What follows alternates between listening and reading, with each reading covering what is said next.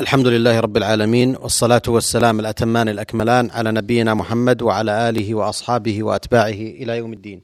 أيها الإخوة والأخوات السلام عليكم ورحمة الله وبركاته وأهلا وسهلا بكم في هذا اللقاء المتجدد من برنامجكم المسلمون في العالم مشاهد ورحلات. لقاؤنا الأسبوعي المعتاد نعقده مع ضيفنا الكريم معالي الشيخ محمد بن ناصر العبودي الرحالة والداعية المعروف والذي يتحدث إليكم عبر هذا البرنامج عن زياراته لأحوال المسلمين في العالم.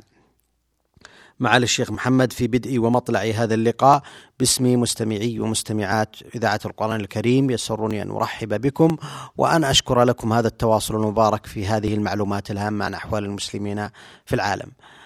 معالي الشيخ محمد آه، أترك لكم المجال لتواصلوا سرد ما لديكم من مشاهدات آه، عن رحلاتكم. بسم الله الرحمن الرحيم الحمد لله رب العالمين. اللهم صل وسلم وبارك على عبدك ورسولك نبينا محمد وعلى آله وأصحابه أجمعين. أما بعد فإننا سوف نستمر. في الحديث عن مشاهداتنا في السفر من إستونيا إلى هلسنكي وقد وصلنا في سفرنا في الحلقة السابقة إلى مدينة هلسنكي وكنا وقفنا عند قرب النزول في الفندق في مدينة هلسنكي عاصمة فنلندا آه، الواقع أن آه، كثيرا من الإخوة لا يكرهون أن يسمعوا ما يتعلق بالانتقال ووصف السفر من هذا البرنامج. أنا كنت أتجنبه على اعتبار أن بعض الناس لا لا, لا يحبون أن يسمعوا لا يحبون أن يكون في البرنامج. ولكني رأيت الأكثرية من الناس يحبون الحديث عن الانتقال. ثم بعد ذلك كما في هذه المرة في هلسنكي سيكون حديثنا حول الشؤون الإسلامية وسوف يتعلق بزيارة الجمعيات الإسلامية زيارات الجمعيات الإسلامية والصلاة في المساجد والحديث عنها في هلسنكي وغيرها من مدن فنلندا. فنقول إننا آه، وصلنا إلى الفندق في مدينة آه، هلسنكي وسكننا فيه وأجرته مئة وعشرة آه، دولارات. وهذا اليوم لم نشعر بشيء من الحر ولكنني أردت أن أعمل ما لم أستطع أن أعمله في المرة السابقة إذ كنت قارنت بين الجو عندما زرت فنلندا قبل هذه المرة وبينه عندما كنت في هذا اليوم فيه والزيارة السابقة التي قرنتها بهذه الزيارة كانت قبل سبع سنين جيناها عندما كان الجو باردا بل ثالجا إذ كان الثلج ينزل وإن لم يكن كثيفا ولكن كانت الريح الباردة شديدة إلى درجة أن المرأة يبرد وهو في داخل غرفة الفندق المكيفة.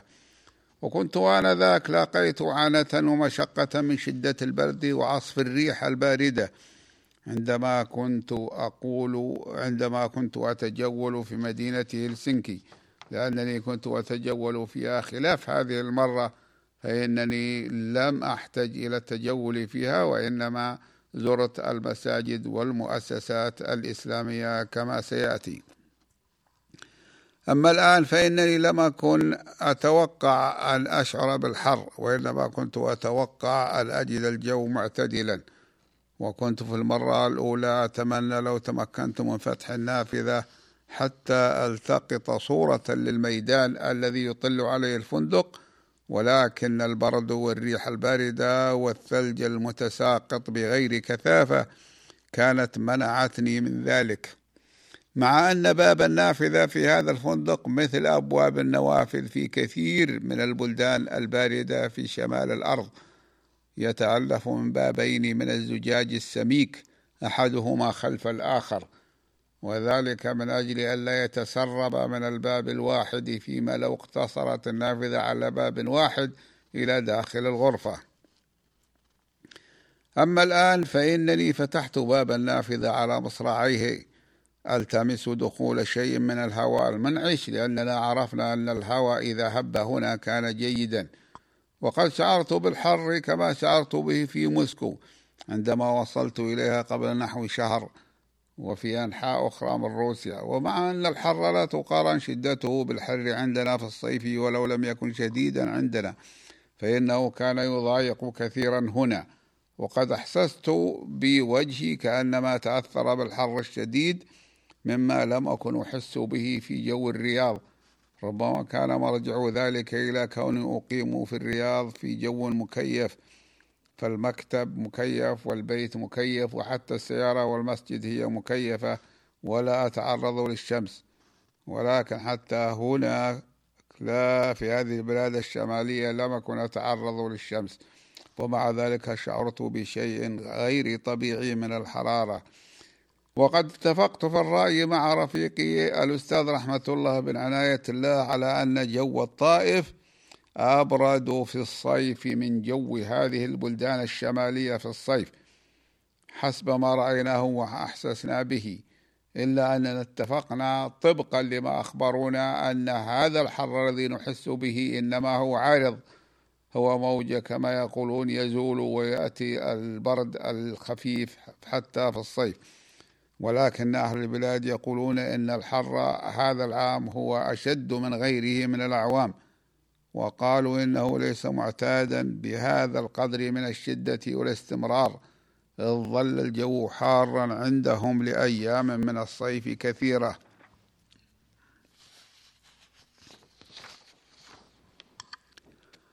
ويمكن أن نسمي حرهم حر البلدان البلدان الباردة. وحر البلدان الباردة مثل برد البلدان الحارة مضر. ثم ذهبنا نلتمس الطعام الإسلامي ويتشدد إخواننا المسلمون من أهل الهند خاصة في الطعام الحلال أي الذي ذبح ذبيحته ذبحا شرعيا أحد المسلمين. أما نحن فإننا نأخذ بظاهر النس فإذا جئنا قوما من النصارى كأهل أوروبا فإننا نعتقد أن اللحم الذي يذبحونه هو حلال لنا. بدليل قوله تعالى وطعام الذين أوتوا الكتاب حل لكم لكن إذا عرفنا أنهم يقتلون الذبيحة بالكهرباء أو يخنقونها فإن طعامهم يحرم علينا مثل ما أن المسلمين إذا فعلوا ذلك حرم علينا طعامهم أي حرم ذلك الطعام الذي فعلوا بذبيحتهم ما فعلوا وليس كل الطعام. وفي كثير من الدول الغربية وأستراليا يصعقون البهيمة بكهرباء ضعيفة حتى تجعلها لا تحس بألم الذبح ولكن ذلك الصعق لا يميتها بدليل أنها إذا تركت ولم تذبح قامت وعاشت ولم تمت بسببه. لذلك نرى أن الصعق إذا لم يمتها وذبحت قبل ذهاب أثره فإنه آه، فإنه لا بأس بها سواء قبل ذهاب أثره أو بعده. بدليل أنها لا تموت منه. قال الإخوة سوف نذهب إلى مطعم حلال. فذهبوا بنا هكذا يسمونه مطعم حلال. فذهبوا بنا إلى مطعم إندونيسي لم نجد عنده لحما وإنما عنده بطاطس ورز وقليل من لحم الدجاج الذي ذبحه مسلمون. وكان طعامه رخيصا بالنسبة إلى المطاعم الأخرى. ثم ذهبنا بعد ذلك مع مرافقينا وهم الذين استقبلونا في الميناء اليوم. ومنهم الأخ على الدين الماهر والأخ وليد محمود لرؤية مسجد السلام. كما يسمونه فوجدناه ضيقا جدا بحيث أن المصلى لا يتسع لأكثر من آه، اثني عشر مصليا ومع ذلك هو مستأجر بخمسمائة دولار أمريكية في الشهر وهو في حي تولو من هلسنكي ويقع في الطابق الأرضي من مبنى مؤلف من عدة طوابق.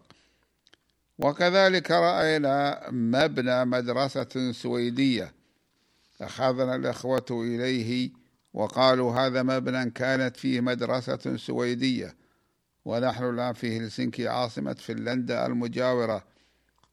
خرجت من المبنى خرجت المدرسة من المبنى ويريد القائمون عليها بيع المبنى ويتمنى الإخوة المسلمون شراءه وفتح مدرسة إسلامية فيه.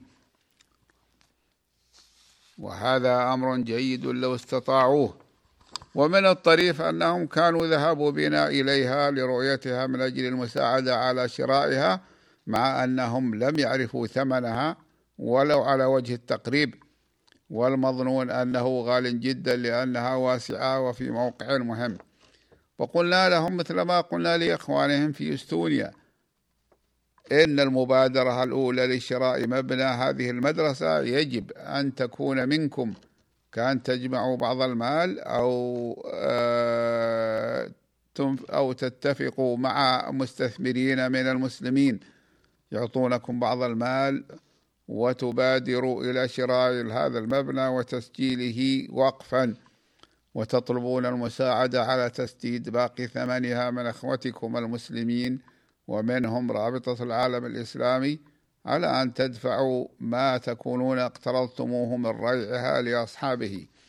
ذلك بأننا عهدنا مثل هذه المدارس التي تدرس صلب المنهج الحكومي من العلوم والرياضيات وفق نسبة معينة تكون في المتوسط ستين في المئة أو خمسة وستين وباقي المنهج تضعونه أنتم منهجا إسلاميا عربيا منقحا. وفق ما ترونه على أن تساعدكم الحكومة في نفقات الدراسة حسب ما يلتحق بمدرستكم من التلاميذ أي على عدد ما يلتحق بمدرستكم من التلاميذ.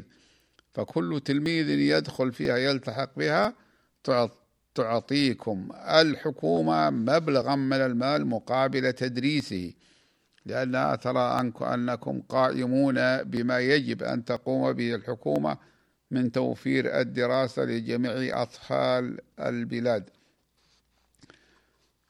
وقد تستطيعون أن تأخذوا رسوما من أولياء أمور الطلبة أيضا فالنظام لا يمنعكم من ذلك.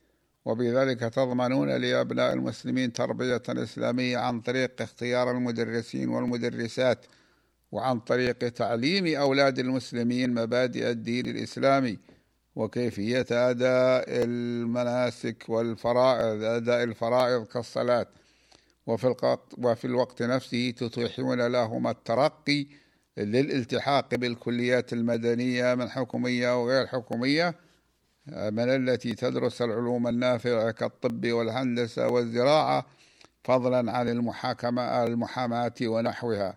وذلك لكون الحكومة قد اعترفت بشهادات المدرسة. هذا هو الذي وجدناه معمولا به في أستراليا وقالت لي بعض الجمعيات الإسلامية التي تشرف على مثل هذه المدارس إننا نكسب مكسبا جيدا من وراء المدرسة ولا ننفق عليها قرشا واحدا وإنما آه، يكفي ما تعطينا ما تعطينا الحكومة مقابل تعليم الطلاب. ونحن آه، نمول الجمعيات الإسلامية التي تتبعنا أو التي عندنا بما توفر من المدرسة. قلت لإخواننا المسلمين هنا في هلسنكي إن إخوانكم المسلمين في أستراليا التي كنا فيها قبل أشهر فتحوا مدارس في أنحاء البلاد. ليس لم يفتحها جملة واحدة وإنما رأينا المدارس التي فتحوها في أوقات متعددة وبعضها كان قريبا من وصولنا إليهم.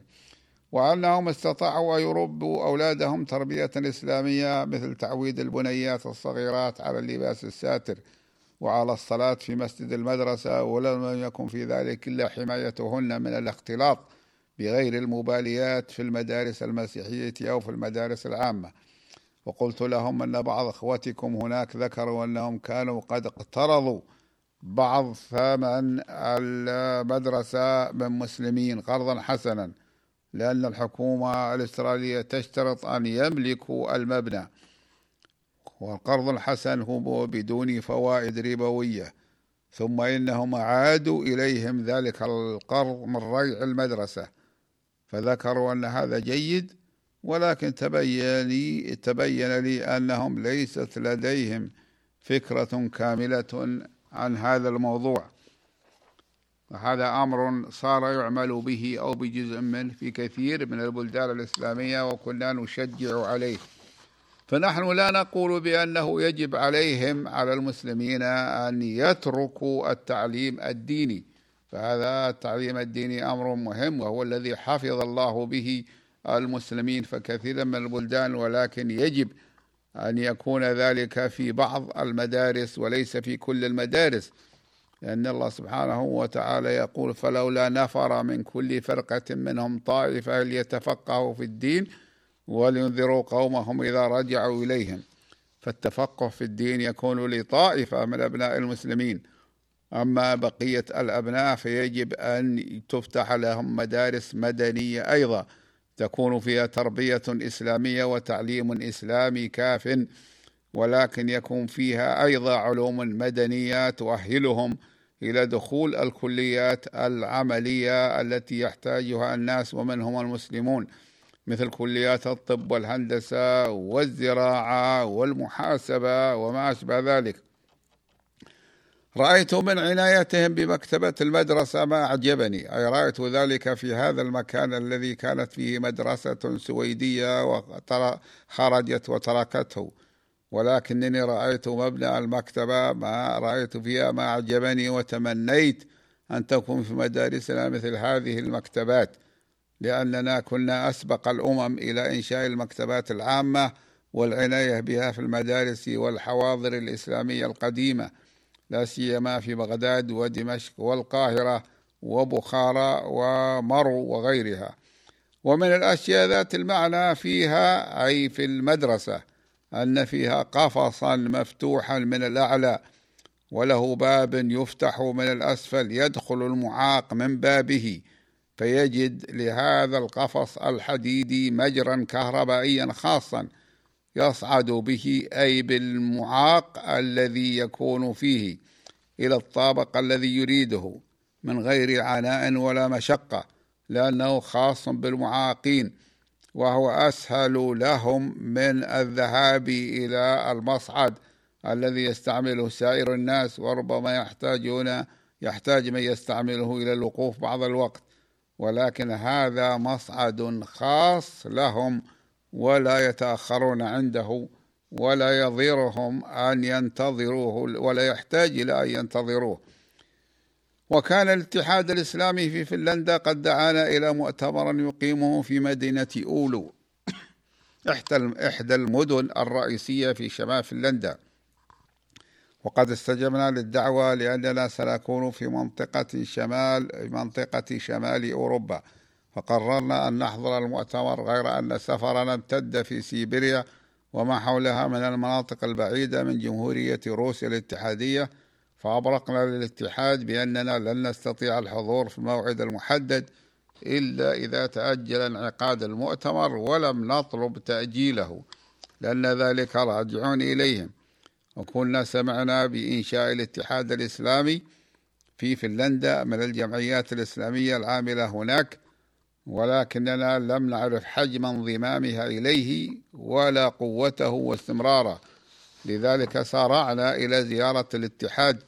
كان رئيسه الأخ عبد المنان عبد الحميد وهو بنغالي يدرس في مرحلة الدكتوراه في فنلندا. وأخونا الأخ علاء الدين ماهر المصري الأصل هو نائبه في الاتحاد.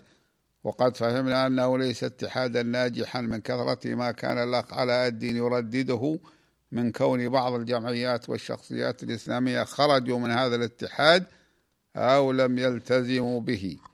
وهذا أمر جربناه في بعض الاتحادات والمجالس الإسلامية التي يفترض نظريا أن تجمع الجمعيات الإسلامية ولكن هذه الجمعيات الإسلامية تخرج منها. أو يقال إنها تتمرد عليها والتمرد غير صحيح. ذلك بأن بعض الجمعيات الإسلامية ترى في الاتحاد أو المجلس الإسلامي لأعلى هيئة تساعدها على تحقيق أهدافها الإسلامية عن طريق الحصول لها على الدعم الحالي على الدعم المالي من التبرعات أو أي طريق آخر. حتى إذا لم يكن الأمر كذلك خرجت من الاتحاد أو لم تلتزم بالبقاء فيه. وهذا آمر طبيعي وليس من باب التمرد. والمهم أن يكون لها علاقة بالاتحاد حتى إذا حصل أمر يحتاج إلى إجماع من الجمعيات الإسلامية أو من أعضاء الجمعيات. حصلت دراسته في الجميع والا ينظروا فقط إلى الموضوع المادي. لكن المادة وبخاصة بالنسبة للأقليات المسلمة في أوروبا هي مهمة جدا لأنهم بدونها لا يستطيعون العمل لدينهم كما هو ظاهر. وجدنا عددا قليلا من الإخوة أهل الاتحاد موجودين فيما يسمونه مجلس شورى الاتحاد ويقع في طابق في طابق أرضي مملوك للاتحاد وهو طابق طابق واسع جيد ذكر لك علاء الدين والقوم يسمعون أن هذا الطابق يعتبر الوحيد الذي تملكه جمعية إسلامية في هلسنكي. هكذا قال مع العلم بأننا ذهبنا بعد ذلك إلى مقر رابطة مسلمي فنلندا في هلسنكي ووجدناهم قد اشتروا بالتقسيط مكانا واسعا كبيرا دفعوا أكثر أقساطه وكذلك اشترت المملكة العربية السعودية بلادنا حرسها الله اشترت كنيسة معروضة للبيع وأعطتها إحدى الجمعيات الإسلامية في هلسنكي وهي جمعية المسلمين الأفارقة وعمادهم من أهل غامبيا وحولوها إلى مسجد فأصبحوا بذلك يملكون مبنى الجمعية يعني يملكونه بمعنى أنهم مختصوا مختصون به وليس المراد من ذلك أنهم يستطيعون بيعه لأنه مسجل وقفا. هذا إلى جانب ما لدى الجمعية الإسلامية التتارية من عقارات تخصها وتستعملها لأنها مملوكة للجمعية. وكنا عهدنا الأخ على الدين ماهر يسعى لإنشاء وقف إسلامي في هلسنكي. ذكر أنه اشترى بالمال الذي جمعه هذا الطابق الأرضي المبني من المبنى. وهو رجل صاحب تجارة في الأخشاب وبخاصة ما كان بين مصر وفنلندا من تلك التجارة. وجدنا في انتظارنا في المقر الأخ عبد المنان عبد الحميد رئيس الاتحاد الإسلامي وهو يدرس الدكتوراه كما تقدم ومدرس لمادة الدين الإسلامي في المدارس الحكومية الفنلندية وهو أيضا إمام المسجد في مدينة أولو التي سيأتي الكلام عليها. نحن أنا قلت أنه مدرس لمادة الدين الإسلامي في المدارس الحكومية الفنلندية. ذلك بأن الحكومة الفنلندية تدفع راتب المدرس الذي يدرس أبناء المسلمين في المدارس الحكومية مادة الدين الإسلامي واللغة العربية. وهذا أمر آه، من فضل الله لأنه لولا ذلك لكان أبناء المسلمين لا يفهمون شيئا عن دينهم. ولكن لكننا لاحظنا أن التقصير يأتي أحيانا من المسلمين بحيث لا يقدمون للحكومة مدرسا آه، مؤهلا لتدريس الدين الإسلامي لأولادهم بالمجان بالنسبة إليهم. والأخ آه الذي هو رئيس الجمعية الإسلامية كما قلنا الأخ عبد المنان هو كان معه الأخ علي بكوش من الجزائر وقد حصل على جنسية فنلندا وله ولدان وهو سكرتير الوقف الإسلامي والمترجم ما بيننا وبينهم. وفهمنا أن الأخ علاء الدين أفهمنا أن الأخ علاء الدين هو مصري والأخ عبد المنان بلاديشي. بنغلاديشي يجيد الإنجليزية فليس هنالك مشكلة في اللغة معهما.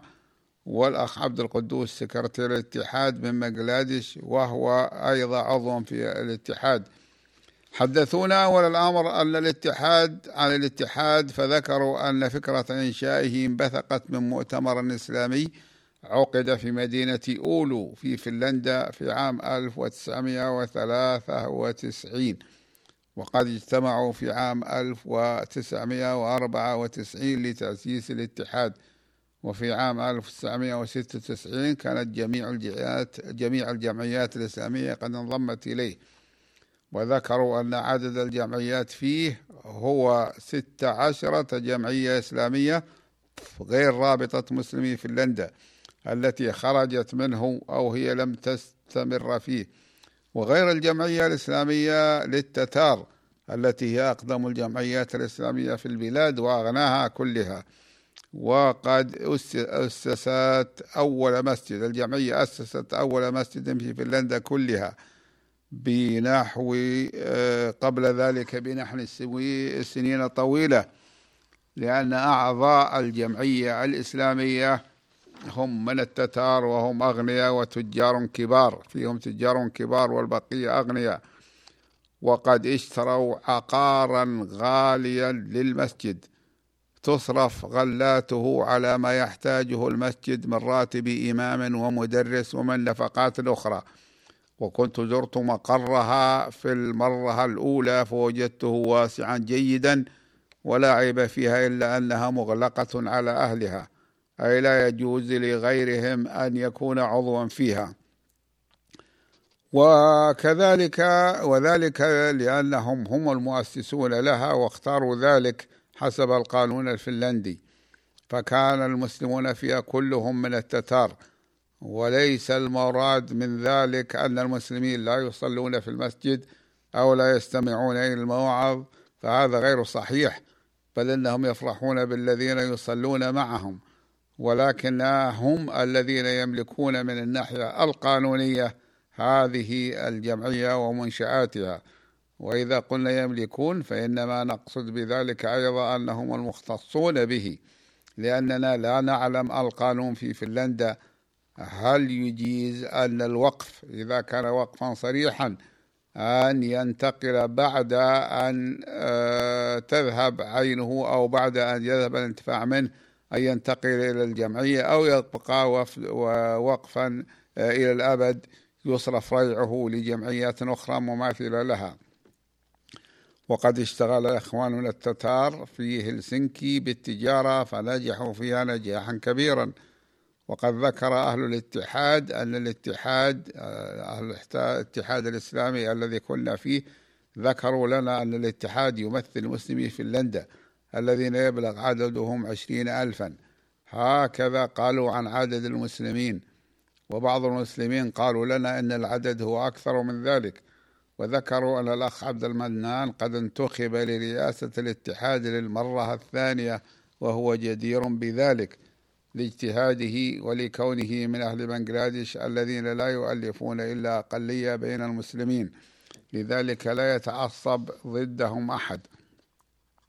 وقد لخصوا لنا أهداف الاتحاد بأنها أولا بناء مسجد في العاصمة هلسنكي يكون مظهرا واضحا لوجود المسلمين ولوجود الدين الإسلامي في هذه البلاد. ثانيا إنشاء مدرسة إسلامية كاملة. ثالثا ترجمة معاني القرآن الكريم للغة الفنلندية. وذكروا أنه توجد ثلاث ترجمات لمعاني القرآن مطبوعة ولكنها مطبوعة هذه الترجمات منقولة إلى اللغة الفنلندية وهي مطبوعة. اثنتان منها قام بها غير مسلمين أي كان المترجمان من غير المسلمين ولذلك وجد فيها وجدت فيها أخطاء كثيرة مع أن الذين ترجموها كانوا يعرفون اللغة العربية ولكنهم لا يعرفون أمور الدين ولا أصوله. أما الترجمة الثالثة فقد قام بها مسلم وهو أخ تتاري مسلم غير أنهم ذكروا أنه لم يكن يتقن اللغة العربية. لذلك وقعت في ترجمته أخطاء لعدم معرفته العربية معرفة تامة وقد تحمسوا لطبع ترجمة للقرآن لمعاني القرآن الكريم سليمة خالية من الأخطاء. وفيما يتعلق بالأخوة المسلمين التتار ذكروا أنهم متمسكون بدينهم لكن ثقافتهم الدينية ضعيفة وأولادهم كما قالوا قد يتزوجون من غير المسلمات فتنقرض أنسالهم بسبب الفقد والذوبان في هذا المجتمع غير المسلم.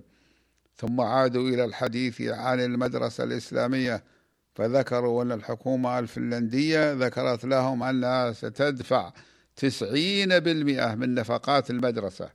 هذا أمر عجيب حقا ولكنها لن تسمح لهم بإنشاء المدرسة إلا بشروط أربعة. وهذه الشروط الأربعة هي إعداد منهج إسلامي واضح للمدرسة. هذا أمر سهل.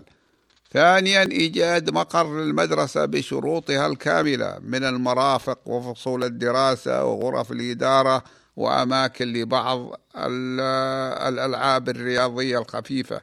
هذا هو صعب عليهم. ثالثا دفع عشرة بالمئة من النفقات التي تلزم للمدرسة مقدمة. وهذا أيضا فيه صعوبة. رابعا وجود هيئة تعليمية من مدرسين مؤهلين تعترف الحكومة الفنلندية بمؤهلاتهم. ذكروا أن هذه الشروط كلها سهلة أو كلها ليست صعبة إلا ما يتعلق بإيجاد مقر للمدرسة فهذا أصعب عليهم. مع العلم بأن الحكومة الفنلندية إذا كانت ستساعدهم كانوا سيأخذون مصاريف شهرية على الطلاب فإن ذلك كفيل بأن تستمر الدراسة في المدرسة.